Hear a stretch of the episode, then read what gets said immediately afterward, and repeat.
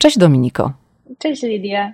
Powinnam powiedzieć cześć dziewczyno ze Szczecina, bo ty jesteś tak jak ja ze Szczecina, ale no nie znamy się, nigdy się nie spotkałyśmy osobiście i to, że zaprosiłam cię do podcastu nie ma związku z tym, że cię znam ze Szczecina. Dominiko, jak znalazłaś się w USA?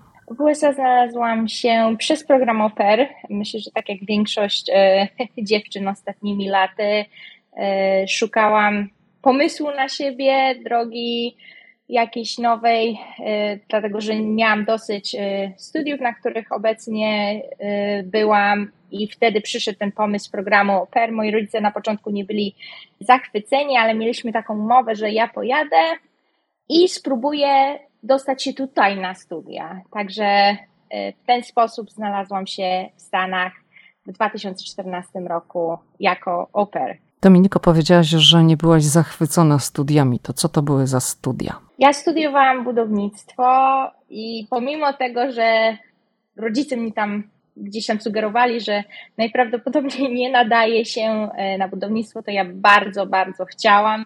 No i przekonałam się na własnej skórze, że jednak nie jest to, nie jest to dla mnie. A chciałaś budować drogi, mosty? Skąd w ogóle fascynacja takim kierunkiem? Chciałam być inżynierem. Wydaje mi się, że głównie to była fascynacja moim tatą, który jest inżynierem i wyobrażałam sobie, że gdzieś tam razem będziemy y, pracowali, więc w sumie to się tak uparłam, że ja pójdę i, i skończę to budownictwo i może później razem będziemy pracować. No i taki zwrot 180 stopni, bo z budownictwa postanowiłaś pojechać do Stanów i opiekować się dziećmi. Czy to wynikało z tego, że tak bardzo lubisz dzieci, czy po prostu była to szansa na jakąś przygodę, na zobaczenie Stanów, na możliwość życia w Stanach i zobaczenia tego wszystkiego od środka? No a dzieci były tak przy okazji.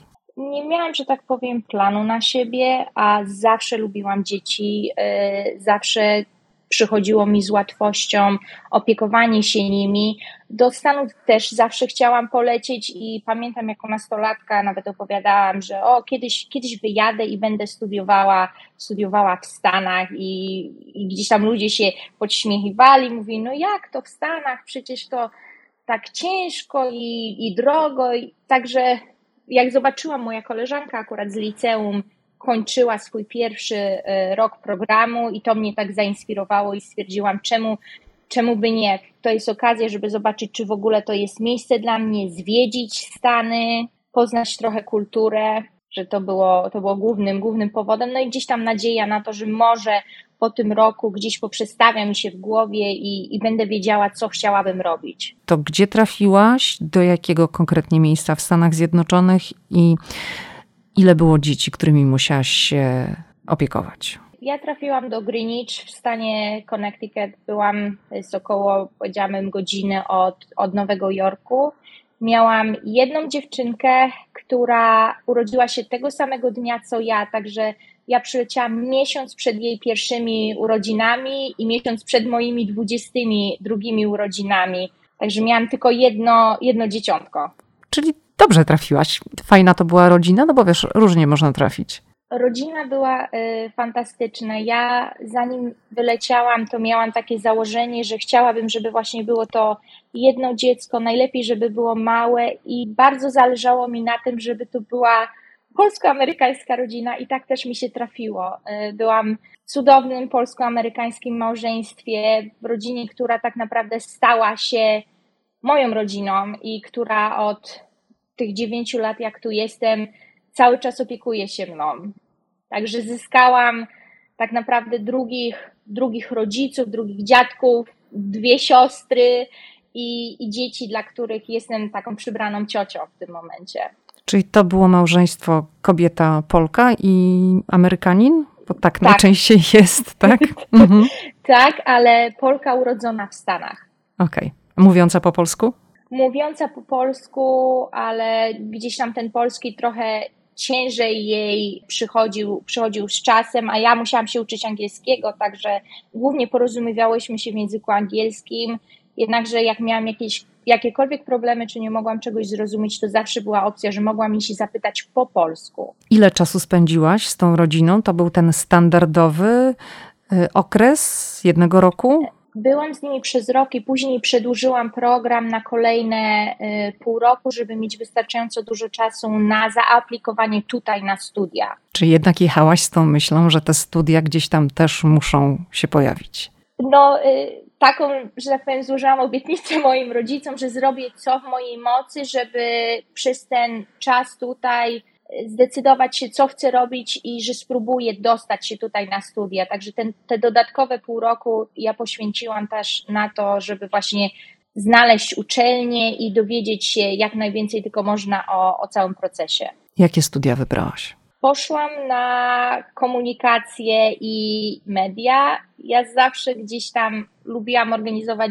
wszelkiego rodzaju jakieś wydarzenia szkolne, prowadzić je, także stwierdziłam, że to będzie najlepszy, y, najlepsza droga dla mnie. Mówiłaś chwilę temu, że trafiłaś do małżeństwa, gdzie y, była Polka, Polka urodzona mhm. w Stanach i porozumiewałyście się po angielsku, było ci łatwiej w momencie, kiedy no, na początku miałaś jakieś trudności. Czy jak poszłaś już na studia, jak czułaś się przygotowana językowo już po spędzeniu tego półtora roku w Stanach? Więc jak ja skończyłam program, to wróciłam na 10 miesięcy do Polski. O.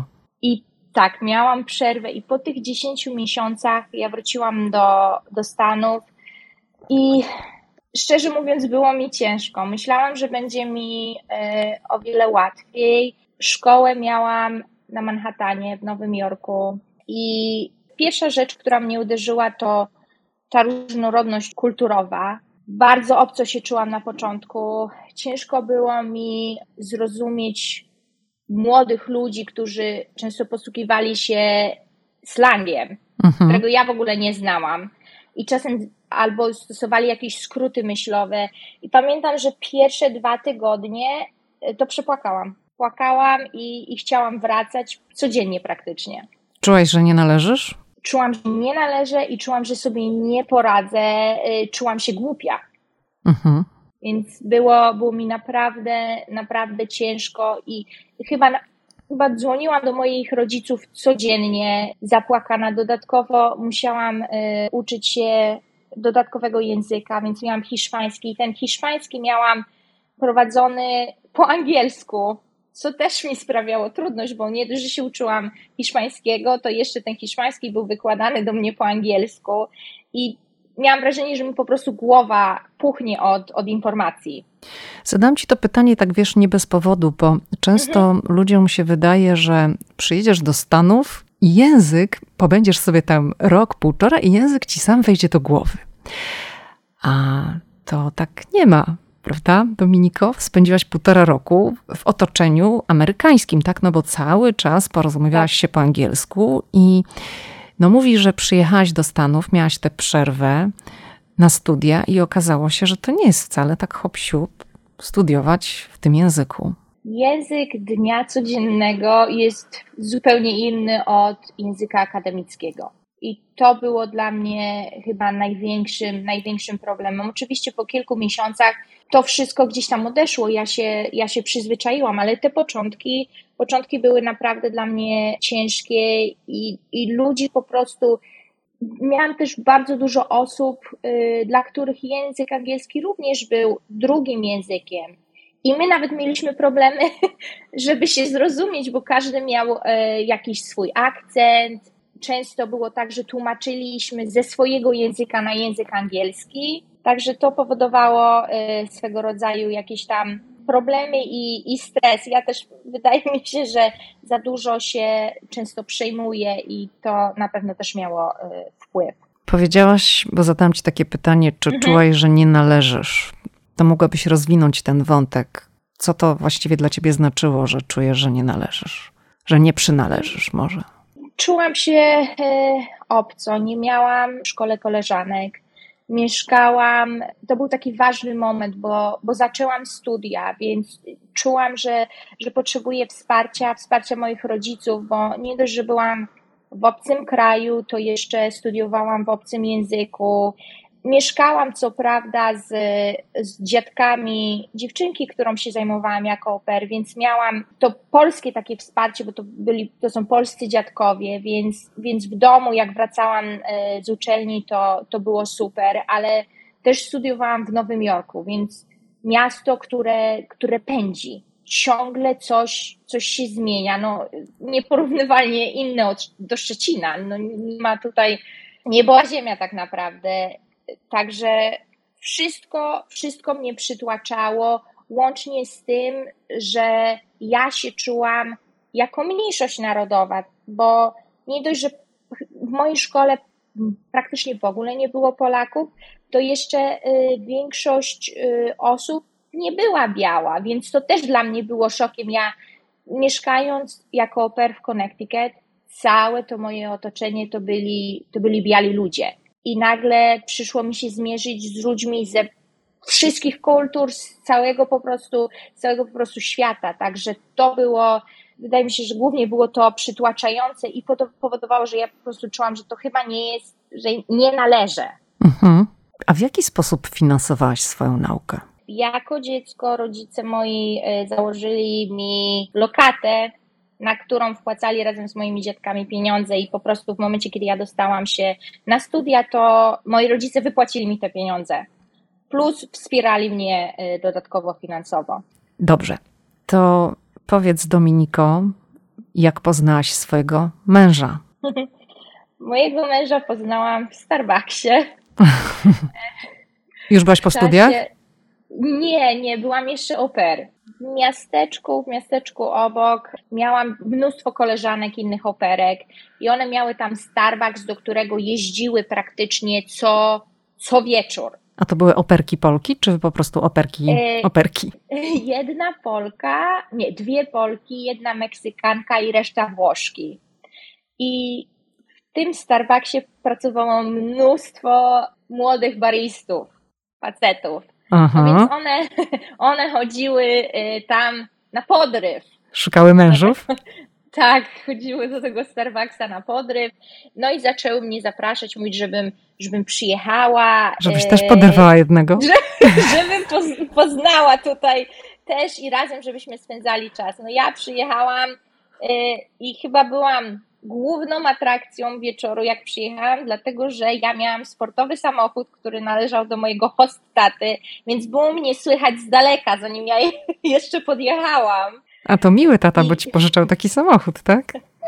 tak, tak. Mhm. I więc wszyscy y, chłopcy, że tam no, faceci patrzyli się na mnie i jak tylko weszłam do tego Starbucksa, a poczekaj, to każdy a, chciał rozmawiać. A powiedz, jaki to był samochód? Oprócz tego, że sportowy. to było Infinity sedan, ale w wersji sportowej. Aha. Także. No dobra. Nie było to nic jakiegoś tam niesamowitego, ale samochód miał kopa i było, było go słychać z daleka, także jak się głowy odwracały. Mhm. Ty jesteś blondynką, Dominika? E, jestem ciemną blondynką, no, okay. ale na pewno byłam najjaśniejsza ze wszystkich. Czyli podjeżdża taka sportowym, ciemna blondynka sportowym samochodem do Starbucksa. No i co się dzieje? No i ja weszłam, tam zaczęłam się witać z koleżankami, no i ci wszyscy faceci zaczęli podchodzić, zaczęli się przedstawiać, tutaj kawy, nie kawy. I tak co wieczór yy, żeśmy się spotykali, ale mojego męża akurat tego wieczora tam nie było. I zostałam zaproszona na, na imprezę razem z tymi operkami i z tymi właśnie baristami. I tak naprawdę wtedy pierwszy raz zobaczyłam swojego y, męża na tej imprezie, ale on y, był po kilku głębszych, więc nic nie pamiętał z tego, z tego spotkania, dlatego zawsze mówimy, że się oficjalnie poznaliśmy w Starbucksie, bo tak naprawdę się poznaliśmy na drugi dzień, bo z tego pierwszego spotkania no, on po prostu nic nie pamiętał. Czyli poznaliście się, jak już on pracował, tak? Był w pracy tak. i przygotowywał Był... kawy, tak?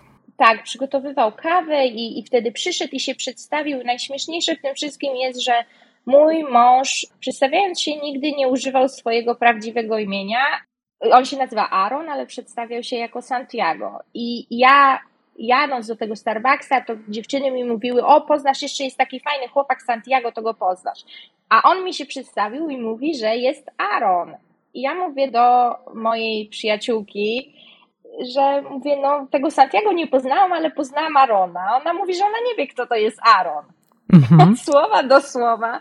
I okazało się, że Santiago i Aaron to jest jedna i ta sama osoba, ale wszyscy go znali jako Santiago, nie wiedzieć, czemu mój mąż przedstawił się mnie swoim prawdziwym imieniem. On do dzisiaj nie wie dlaczego, skoro wszystkim się przedstawiał jako Santiago.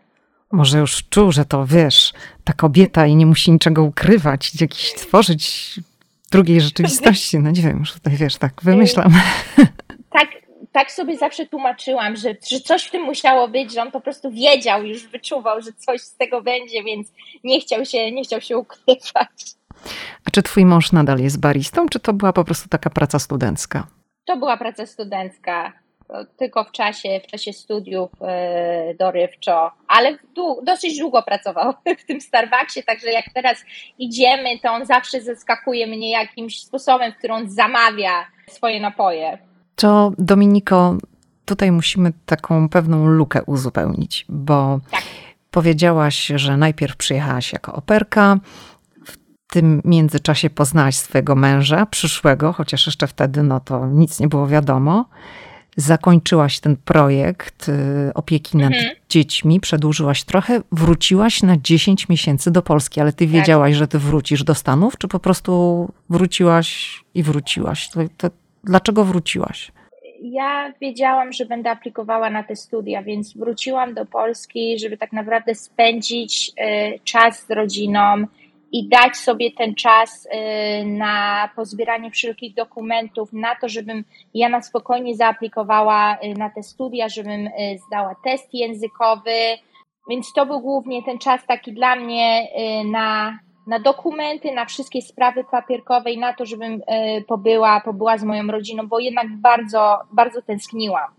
Czy w tym czasie utrzymywałaś taki jakiś, mm, czy miałaś kontakt ze swoim wtedy chłopakiem, mężem? Czy wy się rozstaliście? Jak to było? E, nie, zostali, nadal byliśmy parą, więc ja e, poznaliśmy się we wrześniu 2014 roku. Na początku 2015 oficjalnie zostaliśmy parą i ja w sierpniu 2015 roku wyleciałam, więc my byliśmy tak naprawdę no, przez te 8 miesięcy byliśmy parą i, i poznawaliśmy się. I ja wiedziałam, że mamy mało czasu. I on też to wiedział, więc yy, tak naprawdę na początku to, my po, to po prostu miała być zabawa. My mieliśmy się spotykać, w ogóle nie było w planach, żeby, żeby być ze sobą. Żadne z nas nie szukało, nie szukało związku, ale potem się okazało, że jednak zależy nam na sobie, więc bardzo szybko od y, takich zwykłych rozmów przyszliśmy do rozmów poważnych. Czy i jak które z nas planuje wziąć ślub. Ja jestem katoliczką, mój, mój mąż jest agnostykiem, więc w jaki sposób my to zrobimy? E, czy on chce mieć dzieci, czy ja chcę mieć? O wszystkim musieliśmy rozmawiać, dlatego że ja wiedziałam, że ten zegar tyka. Chciałam po prostu wiedzieć, czy my będziemy próbowali związek, być w związku na odległość, czy po prostu to zakończymy, bo jeżeli to kończymy, to po prostu już lepiej skończyć teraz, niż czekać te y, kolejne kilka, kilka miesięcy. Także jak wracałam do Polski, to byliśmy parą. Dominiko, twój mąż jest Amerykaninem meksykańskiego pochodzenia. Czy ty wiążąc się z latynosem, miałaś świadomość, że poza tym wszystkim, no co wiąże się z tym, jak się wchodzi w związek z drugim człowiekiem, dojdzie w twoim przypadku do no, takich do takiego szeregu innych spraw, które wiążą się z różnicami kulturowymi? Na początku myślę, że w ogóle o tym, o tym nie myślałam. Y, ja byłam, żyłam i oddychałam tą miłością. Dla mnie to, to było najważniejsze. W ogóle nie, tak naprawdę nie dopuszczałam y, do siebie tych myśli, że wiążąc się z kimś y, z innej kultury, tak naprawdę z dwóch kultur, że to będzie niosło jakieś ze sobą problemy, dlatego że my jesteśmy do siebie tak podobni, i lubimy te same rzeczy. I ja po prostu myślałam, że to będzie to łatwizna. Nie będzie żadnych problemów. Po prostu my się będziemy kochać i będzie super. A kiedy sobie uświadomiłaś, że to no nie zawsze będzie bułką z masłem właśnie z powodu tych różnic kulturowych? Chyba dopiero jak zaczęliśmy ze sobą mieszkać. To... Co było takim pierwszym objawem? Yy, na przykład to, że yy, inne podejście do, do sprzątania. Mój mąż jest, jest bardzo czysty, ja też jestem, ale w zupełnie inny sposób sprzątamy. Mhm. Więc y, to było dla mnie takie, jak się tak bardzo burzyłam, dlaczego on nie sprząta w taki sam sposób jak, jak ja. No to co on robi inaczej? Ja jak szłam, sprzątałam, to wszystko ciągiem. I wszędzie gdzieś tam zaglądałam, a on gdzieś tam sobie przerwę zrobił, coś tam chwilę pograł, potem znowu sprzątał, coś odłożył. I ja po prostu nie wiedziałam, dlaczego, dlaczego on tak robi, dlaczego nie, dlaczego nie może po prostu rachciach wszystko posprzątać, albo dlaczego mi zostawi koło zlewu szklankę. Ja nie wiem, czy on, czy to znaczy, że on jeszcze będzie pił tą szklankę, czy ja mam umyć tą szklankę. Czy on siesty sobie robił takie, tak? Tak, tak, dokładnie, bo on, i, więc on sprzątał przez cały dzień. I, i to, to, była jedna, jedna z, takich, z takich rzeczy, albo y, w przypadku jedzenia, na przykład ja gotowałam zupę i on wyjmował tortillę i podgrzewał i jadł tą moją zupę pomidorową i zagryzał ją tortillą. I ja mówię, jak w ogóle to jest jakaś propagacja, jak ty możesz jeść zupę pomidorową i, i gry, zagryzać ją tortillą, albo dodał kiedyś salsę do pierogów, co, co już w ogóle mnie oburzyło. Ja byłam, byłam bardzo obrażona, że zniszczył te moje ukochane pierogi. Teraz już się przyzwyczaiłam, wręcz ja sam zjem czasem mam zupę i będę podgryzała y, tortillą, ale na początku to były takie głównie tylko właśnie sprzątanie, jedzenie, albo on miał weekend, więc on w weekend chciał odpoczywać, a ja miałam weekend i dla mnie to oznaczało, jest wolny, to znaczy, że musimy gdzieś iść i coś robić. Bo ja tak byłam do tego przyzwyczajona jako dziecko, że przychodził weekend, więc spędzałam czas z rodzicami, jechaliśmy do lasu, do restauracji, zawsze coś się działo. Ja nie, nie umiem odpoczywać. To co dla niego było takim kulturowym szokiem? No ten weekend mówisz, że ty musiałaś coś robić, a on chciał odpoczywać. To co jeszcze, jak patrzył on ze swojej perspektywy na ciebie? Co dla niego było dziwne? Dla niego na pewno było dziwne to, w jaki sposób, że ja muszę rozmawiać z rodzicami codziennie. On w ogóle nie rozumiał, po co ja dzwonię do mojej mamy każdego dnia albo kilka razy dziennie. To było dla niego coś y, nie, no nie, z tej, nie z tej ziemi, no bo on ma bliski związek z rodzicami, ale nie ma potrzeby, żeby z nimi codziennie rozmawiać, więc to była jedna taka, taka rzecz, która, która go zdecydowanie gdzieś tam szokowała. Nadal dzwonisz codziennie? Tak. Mhm. teraz, je, teraz jeszcze częściej, no bo jest, y, jest córka, także chcę, żeby jak najczęściej widziała, widziała dziadku. Y, myślę, że pewne jakieś tam kombinacje jedzeniowe bardzo go dziwiły, jakby u nas pierwszy raz na Boże Narodzenie w Polsce i moja babcia zrobiła trzy rodzaje śledzi. Były śledzie w śmietanie i śledzie w occie, jakieś śledzie zrobiła z rodzynkami i ona kazała mu te wszystkie śledzie jeść. I on po prostu, że wszystkim mu nie smakowało, po drugie nie rozumiał tych, tych kombinacji, także myślę, że jedzenie też go, też go gdzieś tam y, na pewno dziwiło i, i szokowało. Co jeszcze? Teraz już mi tak ciężko powiedzieć. Wydaje mi się, że przez wiele, wiele tych rzeczy y, przebrnęliśmy i nauczyliśmy się y, łączyć te, te dwie kultury, chociaż jak pojawiło się nasze dziecko, to się znowu pojawiły inne rzeczy, które zaczęły nas szokować. Mhm. Jakie? Y, no, mój mąż jest jednym z siedmiorga, także te, te dzieci to one spędzają głównie czas ze sobą, bo rodzice ciężko pracują, albo gdzieś tam z dziadkami. A ja byłam z mamą do trzeciego roku życia i dopiero moja mama wtedy wróciła do pracy. Mam tylko jednego brata, więc jesteśmy bardzo, bardzo yy, blisko ze sobą. I ja chciałam tego samego dla, dla naszej córki, więc ciągle gdzieś tam mojego męża mówię, za mało czasu spędzasz z nią, albo nie patrz na telefon, jak z nią jesteś. Ona mówi, musi wiedzieć, że ty jesteś teraz tu razem, y, razem z nią, więc wydaje mi się, że dużo gdzieś tam mu, tak ciągle coś mu mówiłam, tak musi być, tak musi być, bo i to wszystko wychodziło z moich przekonań. Taka polska szefowa. Tak, i, i ja mi się wydawało, że jak on z nią nie będzie tych dodatkowych 10 minut, to że jej czegoś będzie, będzie brakować. Ale osiągnęliście jakiś kompromis w tej sprawie, czy Mała ma dopiero 9 y, miesięcy, ale wydaje mi się, że, że udało nam się gdzieś y, gdzieś porozumieć i, i teraz ja już przestałam tak kontrolować i, i nauczyłam się. Mój mąż też nie jest wylewny taki, jeżeli chodzi o, o uczucia, a ja po prostu jakbym mogła, to bym zjadła to nasze dziecko.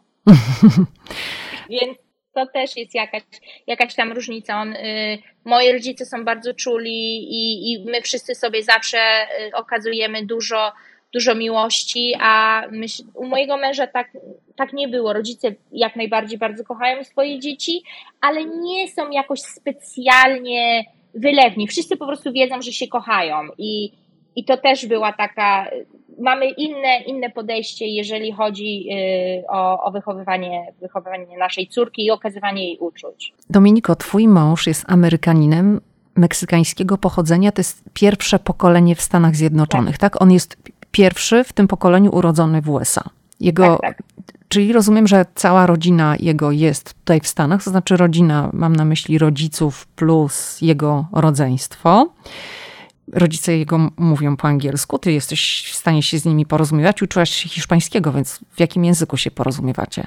Z moim te, mój teść jak najbardziej mówi, mówi po angielsku. Z moją teściową jest, jest różnie. No, ona uczy się teraz tego, tego angielskiego, więc y, pracuje i coraz więcej y, gdzieś tam rozumie, ale zdarza się tak, że oni do mnie mówią po hiszpańsku, a ja odpowiadam po angielsku. Także jakoś y, łączymy staramy się w ten sposób, y, w ten sposób porozumiewać. A jeżeli ja w ogóle nie rozumiem, co oni mówią po, y, po hiszpańsku, to wtedy mój mąż gdzieś tam wkracza i, i tłumaczy. A jak się porozumiewa twój mąż z twoimi rodzicami? Mój tata mówi biegle po angielsku, to samo mój brat. Moja mama zna jakieś pojedyncze słowa. Więc yy, ja jestem tłumaczem, ale mój mąż też gdzieś tam yy, trochę rozumie język polski, więc jak może, to gdzieś wtrąca pojedyncze, e, pojedyncze słowa i oni się, oni się naprawdę dogadują. Czasem jest tak, że pojedziemy do mojej babci i moja babcia wyciąga wszystkie albumy i opowiada o całej historii mojej rodziny i siedzą razem z moją mamą i z moim mężem. One do niego po polsku, on tylko tam kiwa głową, ale mają fantastyczny czas razem.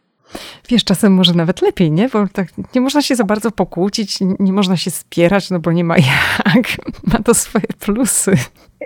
Zdecydowanie. Myślę, że, że e, mój mąż jak najbardziej nie może się pokłócić z moją mamą. Moja mama nic nie może mu, mu powiedzieć, także y, gra.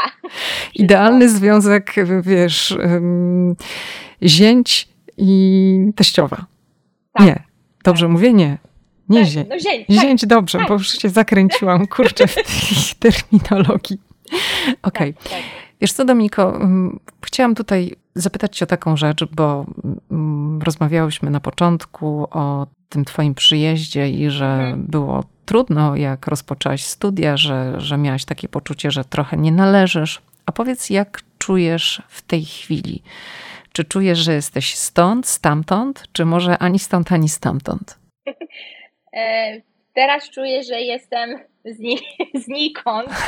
Znaczy, Polska, Polska jest moim, e, moim domem i, i zawsze będzie bliska mojemu sercu. I ja bardzo tęsknię za Polską i zawsze się cieszę, kiedy, kiedy możemy e, lecieć do Polski. Stany są również moim domem. No i do tego jeszcze dochodzi ta meksykańska kultura mojego męża, więc wydaje mi się, że to już jest jest takie pomieszanie, my się porozumiemy, porozumiewamy trzema językami w domu i, i po prostu jest taki miks wszystkiego, że ja mam wrażenie, że przynależę, ale tak do świata.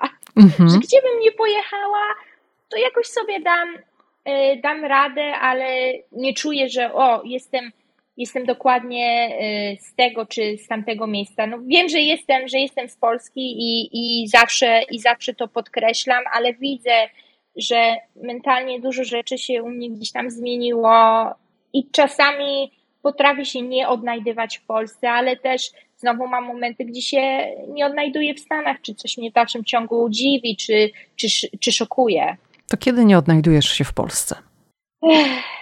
Wydaje mi się, że głównie nie odnajduje się w tym momencie gdzieś tam światopoglądowo i, i politycznie. Ta Ameryka naprawdę na mnie y, wpłynęła ja widzę sposób, w jaki się wypowiadam i jak myślę i że staram się naprawdę nie, nie oceniać ludzi, co wydaje mi się, że jest taką bardzo polską y, cechą. Że, i, I stałam się o wiele bardziej otwarta na to, co, co widzę na, na innych, także myślę, że to jest często gdzieś tam y, główny, główny problem. Mam wrażenie, że co po niektórzy moi dawni znajomi są zamknięci i w jakiejś swojej bańce i nie są otwarci na świat i, i to powoduje czasem takie momenty, że nie, nie możemy się y, dogadać, czy zupełnie y, inaczej postrzegamy pewne, pewne sprawy. Czy nawet czasami jest tak, że y, z moim tatą się spieram i nie, i nie możemy się, nie możemy się dogadać w niektórych kwestiach i czasem musimy sobie coś tam przepracować i to głównie wynika z tego, że, że ja się po prostu zmieniłam. A co w Stanach cię denerwuje? w Stanach, co mnie denerwuje, biurokracja mnie denerwuje bardzo. Zawsze mi się wydawało, że w Polsce jest większa. Mnie też tak się wydawało, dopóki nie musiałam być w procesie o, o zieloną kartę. I nagle okazało się, że pewne, że nie wszystko tak tu działa. Ja zawsze wydawało mi się, że, że Stany są takie super i wszystko jest takie rach, ciach, szybko, a, a później przychodzi y, co do biurokracji i okazuje się, że no, nie jest, nie jest tak idealnie, czy na przykład jak się idzie wyrobić prawo jazdy i ma się to prawo jazdy międzynarodowe, albo się przeprowadziło z innego stanu do stanu i nagle się okazuje, że, że są problemy i, i niektórzy czasem nie wiedzą, nie wiedzą co, co robić. Mam czasem wrażenie, że niektórzy tutaj y, z prostych rzeczy robią, wyolbrzymiają je. Mhm, czyli ten czynnik ludzki tutaj taki tak. biurokratyczny. Mhm. No i y, dużo, że tak powiem, no, system ubezpieczeń, który dla mnie w dalszym ciągu jest, jest gdzieś tam e, czarną, czarną magią i ten strach taki, och, ile to ubezpieczenie pokryje, mhm. jaki przyjdzie ten rachunek, to są, to są takie e, rzeczy. Do reszty wydaje mi się, że, że przyzwyczaiłam się. Głównie to jest chyba biurokracja i właśnie ubezpieczenia i to, e, w jaki sposób wyglądają tutaj gabinety medyczne. Ja przez bardzo długi czas na przykład nie chodziłam tu do dentysty, bo się bałam, bo gdziekolwiek poszłam, to to wszystko było takie jakieś stare. Mhm. A ja byłam przyzwyczajona do tych luksusowych gabinetów w Polsce. No nieważne, gdzie by się y, poszło, to naprawdę były takie sprzęty światowej klasy, bardzo, bardzo nowoczesne, wszystko takie czyściutkie. A, a tu czasem jak poszłam, no miałam wrażenie, że jakbym była w jakimś gabinecie tortur. No to jest prawda, co mówisz. Ja bym powiedziała tak, że to zależy właśnie też od lokalizacji i tak. od. Mm, bo są oczywiście w Stanach też takie nowoczesne gabinety i wszystko jest takie, no powiedzmy, całkiem ładne, ale jednak jak idziesz do takiego normalnego, powiedziałabym, przeciętnego gabinetu, to w porównaniu z takim gabinetem prywatnym, mm, stomatologicznym w Polsce, no to w ogóle ten polski wypada o wiele lepiej. I to myślę ma związek z tym wszystkim, co się zadziało w Polsce po tak. transformacji, po wejściu do Unii Europejskiej, kiedy właśnie też lekarze, e, część z nich przynajmniej mogła starać jakieś dotacje, wyposażać sobie te gabinety to no zdecydowanie tak. Ta stomatologia, mam wrażenie, stoi na wyższym poziomie niż tutaj i tutaj jest przede wszystkim bardzo kosztowna. Nie mówię, że w Polsce nie jest kosztowna, ale tutaj no jest, wydaje mi się, że o wiele bardziej. Myślę, że gdzieś to, jeżeli chodzi o właśnie dostępność do takich przyjemnych gabinetów, przyjemnych takich miejsc, to to się, to, to się zmienia i, i oni coraz więcej gdzieś tam, bo zauważyłam to, jak, jak byłam w ciąży, yy, że najpierw, akurat yy, gabinet ginekologiczny, do którego chodziłam, był taki ok, ale oni w międzyczasie yy, przygotowywali nową, nową lokalizację i w połowie mojej ciąży przenieśli się do tego nowego budynku, to to był po prostu szał naprawdę było fantastyczne miejsce i, i z przyjemnością się tam chodziło i, i w czasie porodu ja miałam prywatny pokój i nie musiałam za to płacić i miałam na, po prostu pomoc, miałam niesamowitą i wydaje mi się, że w Polsce, jeżeli bym chciała mieć usługi na takim poziomie, to musiałabym iść do prywatnej kliniki rodzić. No tutaj też rodziłaś w prywatnej. No to, to prawda. No tak, tylko po prostu tutaj już jest cały inny system i no, twoje ubezpieczenie dużej mierze zakładam pokryło ci koszty związane z porodem. Ale już chciałabym odejść od tego tematu, bo powiedziałaś, że ty czujesz się, tak zażartowałaś trochę, że znikąd. To powiedz, jak czuje się twój mąż, który no, ma korzenie meksykańskie, ale urodził się tutaj? On y, ma tą świadomość, że się tu urodził, ale tak jak zawsze mówi, to on nie do końca przynależy. Nie przynależy tu, nie przynależy w Meksyku i, i tak samo jest gdzieś tam, na pewno ludzie w Meksyku go nie odbierają jako Meksykanina, dla nich on jest Amerykaninem, a ludzie y, w Stanach Zjednoczonych widzą go, no i pierwsze co mówią, o Latynos, no to na pewno nie jest stąd. Więc to jest tak, e, no i jeszcze jest problem, pytałam się go, czy, czy czuje się, że przynależy do tych mm, Amerykanów e, meksykańskiego pochodzenia. On mówi, że no on tak, ale tylko dlatego, że mówi w języku hiszpańskim, bo jeszcze oni między sobą, że tak powiem, się dzielą na tych takich lepszych, co mówią po hiszpańsku i na tych, co w ogóle nie potrafią mówić po hiszpańsku. Także wydaje mi się, że on też tak czuje, że nie ma takiego swojego jednego, jednego miejsca. A uważasz, że to poczucie ma też związek, że no jest oceniany po okładce, czyli po prostu jako Meksykanin ma no, charakterystyczne rysy, tak? Charakterystyczny czarny kolor włosów, skóra jest y, ciemniejsza, ciemne oczy. Czy to również ma wpływ? Zdecydowanie. Jeszcze na dodatek mój mąż ma długie włosy i ma wąsy. Więc to już w ogóle y, wprowadza ludzi w osłupienie i, się, i, i mu się przyglądają. Ja bardzo bym chciała mieć takie włosy jak mój mąż, nawet nie mam połowy.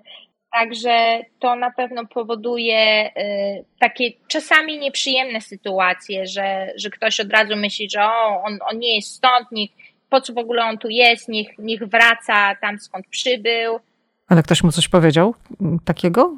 Zdarzyło się, zdarzyło się w metrze, że ni stąd, ni zowąd facet, który koło niego stał, nagle zaczął y, mówić o wszystkich latynosach, no i się zwrócił do mojego męża i powiedział, że ty tu przyjeżdżasz i kradniesz nam pracę i, i wracaj tam skąd, y, skąd przyjechałeś. Jak twój mąż zareagował na takie coś? On nie, on stara się podchodzi do tego dyplomatycznie i gdzieś tam nie odpowiada, albo próbuje gdzieś tam odejść z sytuacji. Ja się za to awanturuję od razu, ale na szczęście w, tam, w tamtym momencie nic, nic nie powiedziałam, ale wydaje mi się, że mój mąż ze względu na to, że on tu się wychował, to takie rzeczy, że tak powiem, spływają trochę po nim i już nie zwraca na to uwagi. Za to ja wszystko widzę i, i były takie sytuacje, że czasami ktoś do nas podejdzie w sklepie i myśli, że on jest z obsługi i się go zapyta, jak kupowaliśmy samochód, to y, pani myślała, że mój mąż y, pracuje w salonie. Także zdarzają się takie. On, on już bierze na to poprawkę i nie, nie przejmuje się. Mnie gdzieś to tam boli ze względu na to, że, że się martwię, że, że moja córka będzie w ten sposób traktowana. A użyłaś takiego słowa, że ty się zaraz awanturujesz. No oczywiście no, trochę powiedziałaś to żartem, ale no tak. to jak w, taki, w takich sytuacjach reagujesz? Co, no bo złości cię to, mówisz, że cię to irytuje. To jaka jest twoja reakcja, jak są takie sytuacje? Ja zazwyczaj się pytam, że w czym jest, czym jest problem i, i, i, i o co chodzi, dlaczego w ogóle skąd skąd ta złość, tak? Przecież on nawet nic nie powiedział, nic nie zrobił, tylko sobie tutaj y, tutaj stoi. Mhm. Jaka jest reakcja, jaka jest odpowiedź? Zazwyczaj, zazwyczaj ludzie ignorują albo nie, nie odpowiadają. Mhm. Tego się patrzą, patrzą się na mnie i, i w sumie to jest, e, to jest tyle, ale też już się nauczyłam, mój mąż zawsze mi powiada, mówi mi, że, że, że nie ma sensu. To nie ma po prostu, jest, jest okej, okay, nic się nie stało. Dominiko, to powiedz na podstawie Twoich doświadczeń, jakie są stereotypy na temat latynoskich rodzin tutaj w Stanach? E, że są głośne, że są brudne, że jak zaczęłam być z moim mężem, to parę osób gdzieś tam do mnie napisało, że o, będzie pił, bił, będzie zdradzał, co, co ja w ogóle, dlaczego ja chcę, dlaczego ja z latynosem jestem. Więc na pewno jest ten taki stereotyp y, takiego amanta, że, że oni są niewierni, że mają wiele żon i, i po prostu dzieci na prawo i lewo i że nie pracują i że są leniwi. A co twój mąż obecnie robi? Jest analitykiem na pozycji dyrektora w dużej agencji reklamowej w Nowym Jorku. I ty masz podobną pracę, też pracujesz w agencji, ale Tak. ty marketingowej. Marketingowej i na trochę niższej pozycji. I nie jestem analitykiem. Okej. Dobrze, to może o Twojej pracy y, za chwilę jeszcze porozmawiamy, ale chciałam Mhm. skończyć tutaj ten wątek mm, dotyczący właśnie bycia w związku, w małżeństwie z osobą, która jest z innej kultury.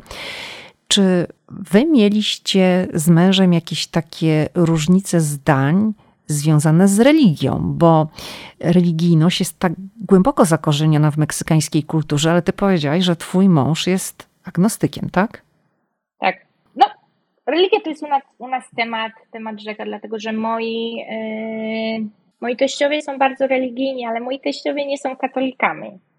Oni mają taką swoją malutką, typowo meksykańską religię, która się opiera tylko na, na Starym Testamencie. Oni nie uznają y, Nowego Testamentu. Są bardzo tacy ortodoksyjni i, i mój mąż był wychowywany w tej religii do 18 roku życia, aż odszedł, odszedł z kościoła. Także gdzieś tam, no i to, to spowodowało pewne przykre, y, przykre sytuacje, bo, bo jego rodzice naprawdę są zaangażowani y, w ten kościół i, i bardzo ich to bolało, że, że on odszedł i oni myśleli, jak my zaczęliśmy być ze sobą, że ja teraz, że on przejdzie na katolicyzm. I to już w ogóle było dla nich, że odszedł od nich z kościoła i ich to boli i teraz poznał mnie i ja z niego zrobię katolika. Także gdzieś tam na początku to był dla niego cie, ciężki temat, a teraz y, bez problemu rozmawiamy, rozmawiamy o religii. Wzięliśmy ślub kościelny w Polsce, ale mój mąż nie jest katolikiem, był swoim własnym świadkiem na ślubie. Także udało gdzieś tam, e, udało się nam to, to pogodzić i, i ta religia nie, nie stanowi w naszym związku problemu do tego stopnia, że zanim jeszcze wzięliśmy ślub, to ja się pytałam mojego męża, czy jak się pojawią dzieci w przyszłości, czy jest ok, żeby one były chrzczone. I on powiedział, że ty jesteś tą osobą wierzącą w naszym związku, więc wychowamy dzieci tak, jak ty będziesz tego chciała a później niech, niech zadecydują same o sobie. Czy czujesz, że wy jako para jesteście postrzegani przez pryzmat przybyszów? Powiesz, no mówiłaś tutaj, przytoczyłaś parę takich sytuacji, no tu, tu budujecie życie w Ameryce, tak? Twój mąż się tutaj urodził, tu jest jego całe życie, ale czy jednak czujesz czasem, że ludzie tak jak was nie znają, to myślą o was jako o przybyszach? Myślę, że głównie o moim mężu, a mnie jak widzą, to zakładają, że ja jestem stąd. Dopóki się nie odezwę i nagle słychać gdzieś tam ten akcent i jest tak, o, a, a skąd ty jesteś? Ale z reguły to ja jestem zawsze postrzegana jako osoba stąd. Czyli tak stereotypowo przez po prostu wygląd i kolor skóry. Tak, Mhm. tak, tak, zdecydowanie. A, a mój mąż to jest ten, co na pewno stąd nie jest i właśnie przybył z innego miejsca. To Dominiko, teraz tak trochę może się pośmiejmy, bo jak się ludzie dowiedzą, że jesteś z Polski, to o co pytają? Eee, zawsze, nie wiem dlaczego, zazwyczaj miałam takie momenty, że, że ludzie myśleli, że jak ja jestem z Polski, to tam mamy misie polarne jest zawsze, i jest zawsze śnieg i czasem zdarzały się takie sytuacje, że, że ktoś mi mówił, że czy my mamy centra handlowe, ja mówię, no nie, my mieszkamy w Łupiance, u nas nie ma, nie ma nic. Więc to są zazwyczaj, zawsze, zawsze chodzi o tą, o tą pogodę i myślą, że u nas jest bardzo zimno. Ja mówię, że, że nie, że, że pogoda jest, jest taka sama jak, jak tutaj, wręcz lato potrafi być ostatnimi czasy o wiele cieplejsze i, i myślą też, że, że u nas nic nie ma, że, że, jest, że jest jakaś taka bieda i ja później pokazuję zdjęcia na przykład Krakowa czy Wrocławia i ludzie mówią, Boże, jak pięknie, no to, to oni chcą jechać do Polski. A, w, koniecznie. a powiedz, w jakim wieku są ci ludzie? To są młodzi ludzie. Mhm. Bo, bo, wiesz, ja się właśnie zastanawiam, skąd to się bierze, że ludzie mają takie wyobrażenie. I zadam ci to pytanie dotyczące wieku, bo tak sobie pomyślałam, tak, jeżeli to są ludzie na przykład już, wiesz, innej generacji, mhm. pokolenia na przykład twoich rodziców, to pomyślałam sobie, no to może gdzieś tam mają taki obraz utrwalony z dawnych czasów, jeszcze z okresu zimnej wojny, jak był komunizm tak. i Polska była pokazywana jako taki kraj no, za, za żelaznej kurtyny, w którym rzeczywiście wtedy niczego nie było i może ten obraz gdzieś tam ciągle istnieje. Ale jeżeli są to ludzie właśnie no, młodzi, twojego pokolenia, bo ty jesteś jeszcze przed trzydziestką, no to... Już po. A, już po, no to ale tam, już le... ale już ledwo, tak? no to z tym dostępem do internetu, pokolenie, które wiesz, wychowane na internecie, na YouTubie i, i zdjęciach właśnie z e, wszelkich stron, no to to jest zaskakujące, że obraz Polski jest taki no, słaby. Myślę, że, że to się e, coraz bardziej zmienia i, i duży też wpływ myślę, że sytuacja w Ukrainie na to miała, że, że ludzie mają coraz większą świadomość i i jak, jak wojna wybuchła, to, to ludzie mnie zaczepiali i, i mówili na ten temat, i, i w pracy ze mną rozmawiali, próbowali gdzieś tam pytać się o Polskę i się więcej dowiedzieć. Także myślę, że to się gdzieś tam powoli zmienia, chociaż miałam sytuację, a to nie jest na temat Polski, tylko Europy ogólnie, gdzie jeden z, z moich kolegów y, w klasie na studiach mówi do mnie, że on zawsze chciał pojechać do, do Hiszpanii. ja mówię, no to fantastycznie, bo nasza szkoła y, organizuje program wymiany i można jechać. Y, nie, on powiedział, że zawsze chciał pojechać do Europy. Ja mówię, że to można pojechać do Hiszpanii. On mówi do mnie, a dlaczego ja bym miał jechać do Hiszpanii? Ja mówię, no, no jak, no Hiszpania jest w Europie. A on mówi do mnie, nie. No i ja, ja zgłupiałam. Mówię, no no jak nie jest? Ja mówię, przecież ja byłam w Hiszpanii.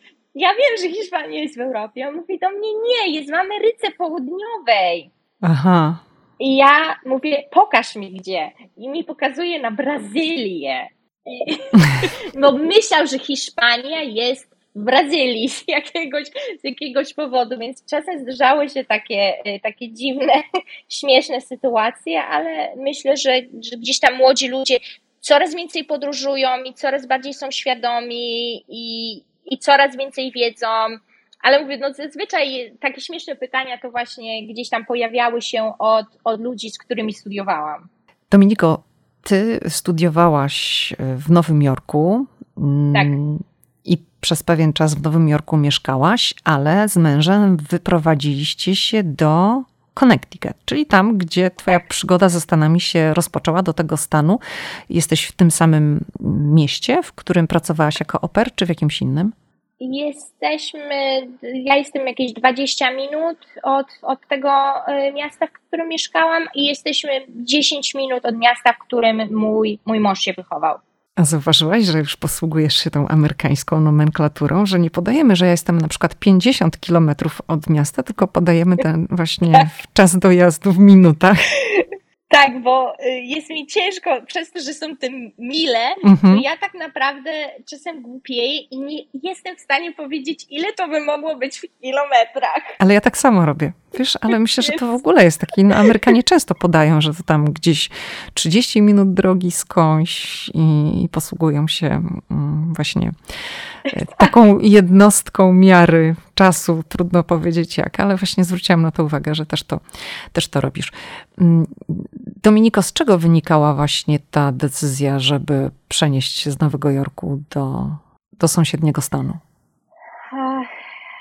Myślę, że pandemia miała na to, na to bardzo duży wpływ. Ja przestałam się czuć bezpiecznie w Nowym Jorku. E, zwłaszcza w okresie, w okresie ciąży, kiedy ja po prostu się upewniałam, że za każdym razem nie stoję zbyt blisko torów, bo to był taki okres, gdzie no niestety było dużo tych e, wypadków, gdzie kobiety były wpychane e, pod koła nadjeżdżającego metra. To było kobieta mnie zaatakowała na ulicy, także y, no i ta wszechobecna bezdomność, która zawsze była ta bezdomność w Nowym Jorku, ale nie do takiego stopnia, jak gdzieś tam zaczęło się to dziać w okresie pandemii i ludzie naprawdę stracili, stracili pracę, więc po prostu stwierdziliśmy, że to chyba nie jest miejsce, do którym chcielibyśmy gdzieś tam wychowywać, wychowywać nasze dziecko, tym bardziej, że Nowy Jork też się robi coraz droższy i to też była kolejna taka rzecz, że ja miałam wrażenie, że my pracujemy, żeby przeżyć w tym Nowym Jorku. Mhm. I nic z tego nie mamy. Także to było, e, to były takie główne, główne czynniki. No i ja, ja byłam trochę już zmęczona e, tym, tym hałasem i takim ciągłym obracaniem się za siebie. Wiesz, ja jak przyjeżdżam do Nowego Jorku, to bardzo lubię tam przyjechać, ale dla mnie Nowy Jork jest takim energetycznym wampirem. Tak. I e, fajnie jest tam przyjechać, ale po tych kilku dniach to czuję, że e, ta energia jest wyssana ze mnie przez, przez to miasto. Wiem, że niektórzy właśnie osoby, które będą słuchać, będą mówić, o, że to jest tak fajnie poczuć tę energię tego miasta, jak z Polski się przyjeżdża. Natomiast dla mnie, jak ja przyjeżdżam do Nowego Jorku i bardzo lubię tam przyjeżdżać, to jest takie, wiesz, po kilku dniach e, drenujące. I tak też czułaś, mieszkając tam w pewnym momencie? E, tak, chociaż teraz, teraz mi brakuje tego. Ja już, już jak wyjechaliśmy, ja strasznie płakałam w, w tym dniu, kiedy żeśmy się przeprowadzali, pomimo, że ja tak bardzo czekałam na ten dzień, ale e, no, brakuje, brakuje mi tego, dlatego też nie chcieliśmy być za daleko od, od Nowego Jorku, bo chciałam mieć tą możliwość, żebyśmy mogli wsiąść i, i pojechać, ale byliśmy, byliśmy wykończeni. Teraz mieszkamy, mieszkamy w lesie, więc ja tu odpoczywam. Nieważne, jakbym miała stresujący dzień w pracy i, i moja córka nie śpi całą noc, to ja mimo wszystko czuję się wypoczęta, bo jest taka cisza i, i spokój. Więc no jest, jest ciężko, jeżeli się pracuje na Manhattanie, gdzie ja pracowałam na Manhattanie i, i te ciągłe dojazdy, i ten hałas, i ten pęd życia, jest fantastyczny, ale do pewnego momentu. To porozmawiajmy, Dominiko, o Twojej pracy. Powiedz nam, czym się zajmujesz już tak bardziej szczegółowo. No i Twoja praca, biuro Twojej firmy jest na Manhattanie ciągle, tylko pracujesz zdalnie, tak? Tak, tak. Ja jestem y, menadżerem do spraw nowego biznesu i marketingu, także przynoszę nam nowych, nowych klientów ale też jednym z zajęć moich jest y, nadzorowanie naszego corocznego badania na temat emocji więzi między y, konsumentami a markami typu Apple, Disney. Na co dzień tego nie robię, na, na co dzień staram się promować, promować naszą, naszą firmę i właśnie przynosić, przynosić nam nowych klientów, którzy szukają y, pomocy że tak powiem, z ich marką i odświeżeniem logo, zmianą, e, zmianą imienia, ale raz do roku przez tam dobrych kilka tygodni głównie się skupiam na, e, na tym badaniu. No dobrze, ale powiedziałaś, że Twoim głównym zadaniem jest no, sprowadzanie do firmy nowych klientów. Pracujesz tak. zdalnie, czyli co? Otwierasz sobie laptopa, wchodzisz sobie w Google i no dobrze, no to kto mógłby być naszym klientem? Piszesz maila, jak to się odbywa? E, na tą chwilę głównie e, robię kampanie promocyjne, e, czy to dla firm z gdzieś tam przedsiębiorstw medycznych, czy jakichś marek, które się zajmują infrastrukturą, telekomunikacją, więc ja najpierw patrzę, jakie są to firmy, tworzę całą bazę bazę danych, e, buduję kontakty, buduję, buduję tą listę. No jak już mam taką listę zbudowaną, to zaczynam tworzyć kampanię i wysyłam im ileś różnych maili w jednym, który pokazuje im e, firmy z tej samej kategorii, które żeśmy przemienili.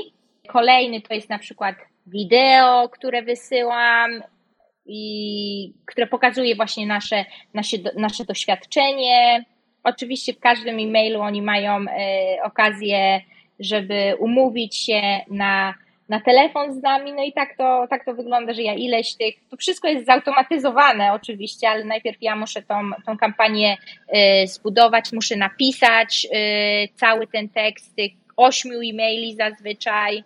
I to wysyłam, a później zajmuję się odpowiedzią na, na zapytanie, które właśnie przychodzą od, od firm i, i my, my stajemy, że tak powiem, do walki o, o dany projekt i ja muszę, muszę odpowiedzieć, muszę zbudować całą, całą prezentację, muszę, muszę przygotować y, plan, jak będzie to wyglądało, jeżeli będą chcieli z nami współpracować.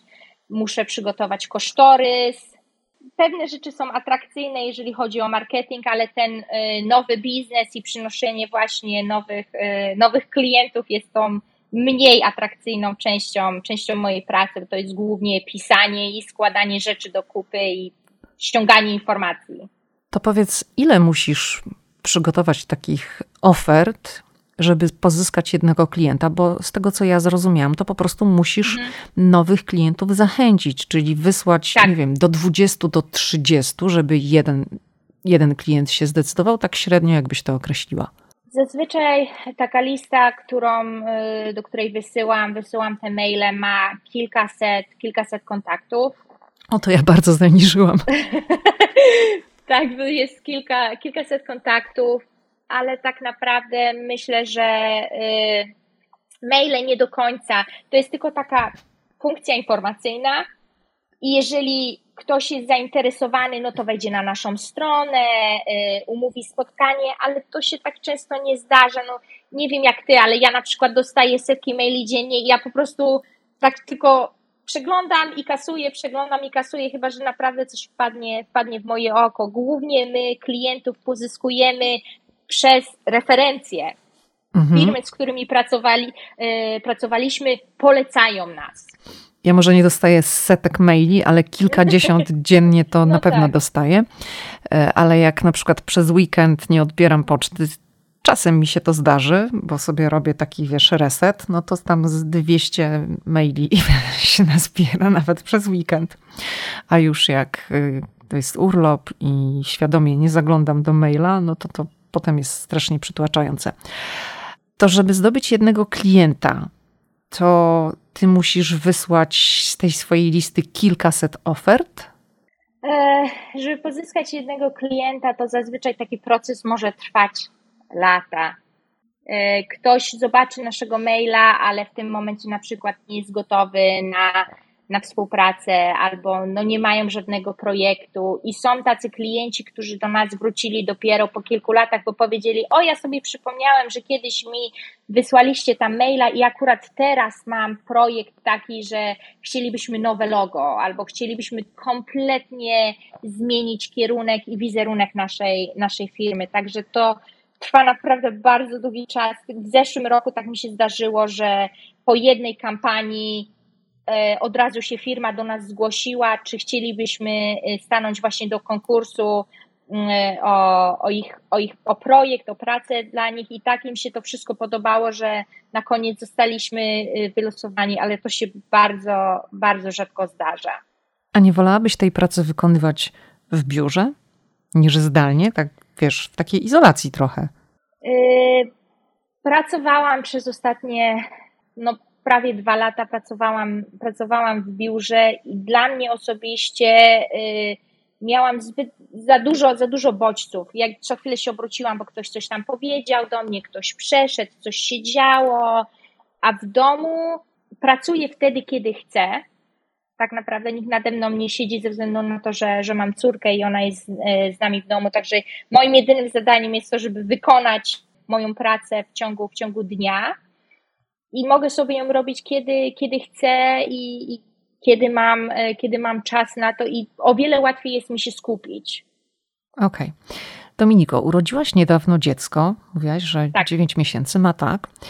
W Stanach nie ma płatnych urlopów macierzyńskich, które są zagwarantowane prawnie. Czy twój pracodawca udzielił ci jakiegoś urlopu i jak wyglądała ta sytuacja, ta sprawa w twoim przypadku?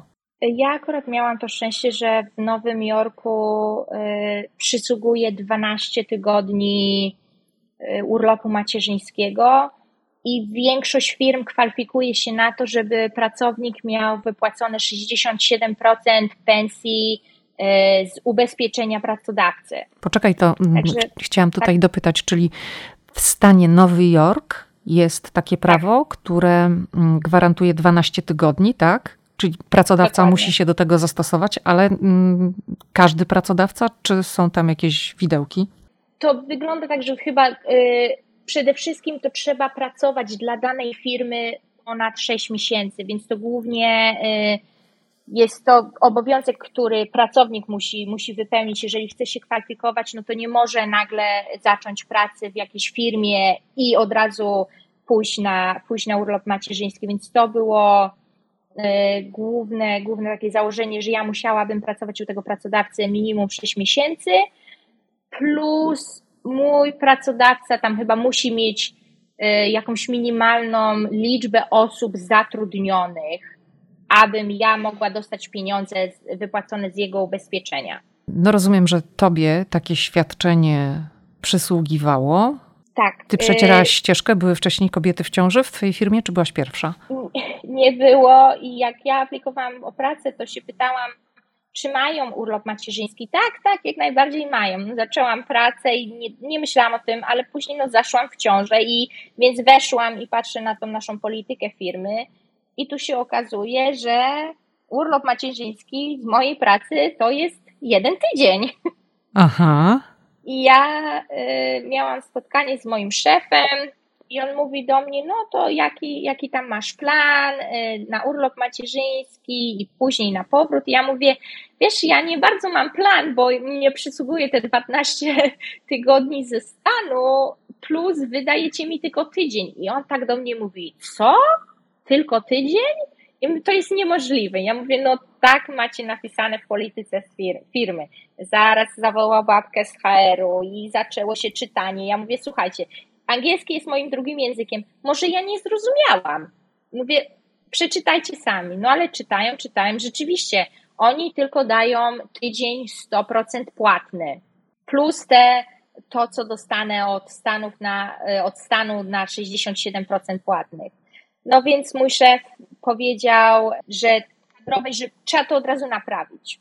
No i koniec końców, e, ja miałam 12 tygodni ze Stanów ze stanu 100% y, płatnych, bo mój szef pokrył tą różnicę tak, żebym ja dostawała swoją normalną pensję, plus ja dostałam od nich 4 tygodnie 100% płatne, no i bez nacisku na, na powrót do pracy, także do, do biura. Mhm. Czyli bardzo ci twój pracodawca poszedł na rękę. Tak, tak, jak, jak najbardziej. No, ja mam to szczęście, że pracuję z właścicielem bezpośrednio, z właścicielem naszej firmy, także z szefem, z szefem szefów i myślę, że to też miało, miało duży wpływ na to, że, że on bardzo chciał zadbać o mnie i, i o ten mój komfort, zwłaszcza jak się dowiedział, że to będzie córka, a on jest tatą dwóch dziewczynek, Także to już w ogóle y, bardzo wiele zmieniło. Ja nawet, nawet mi zrobili baby shower y, w pracy i dostałam piękne prezenty. Czyli nie czułaś, że twoja ciąża może być jakimś problemem w firmie? Nie, nie, ale ja też miałam bardzo łatwą ciążę. Tak naprawdę, gdyby nie to, że powiedziałam, że jestem w ciąży, to przez długi czas by nie wiedzieli, że cokolwiek, że cokolwiek się dzieje, tym bardziej, że ja przez długi czas nawet nie było widać, że jestem w ciąży.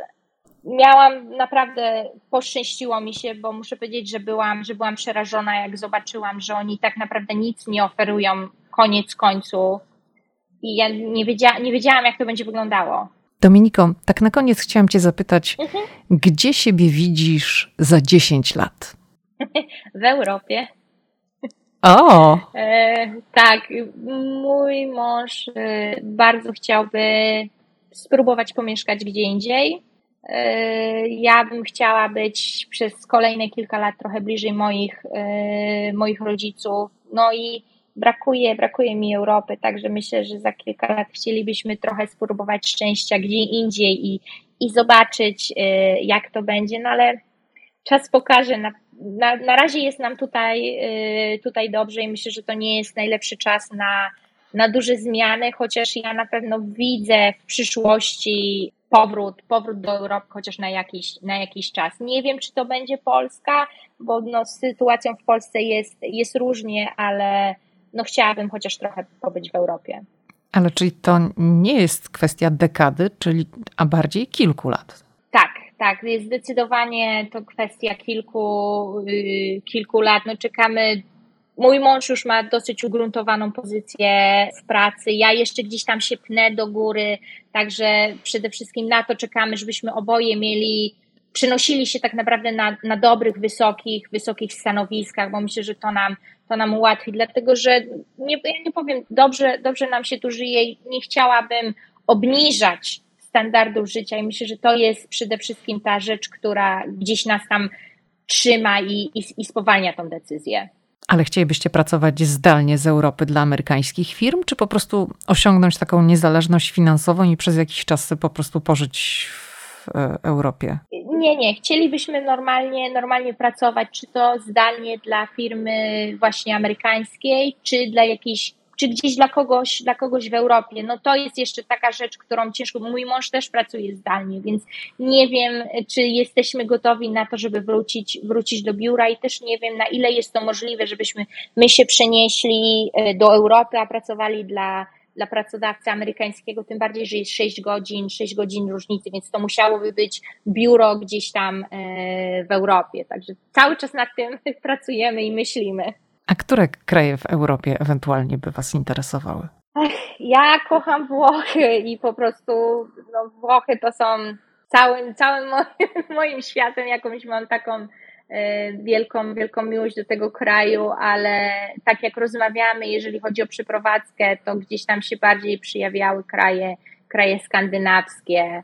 Ostatnio chodziła mi Dania po głowie, ale co z tego wyjdzie, ciężko, ciężko mi jest powiedzieć. Tak naprawdę nigdy nie usiadłam i nie zrobiłam takiego do, dogłębnego y, researchu, żeby, żeby wiedzieć, gdzie jest, y, gdzie jest dobre, dobre miejsce, takie, które, w którym my wszyscy będziemy dobrze, dobrze się czuć i które zapewni nam dobrą przyszłość. Dominika Moskal-Hernandez, dziewczyna ze Szczecina, była gościem podcastu Ameryka i ja. Bardzo dziękuję Ci za rozmowę. Bardzo dziękuję również.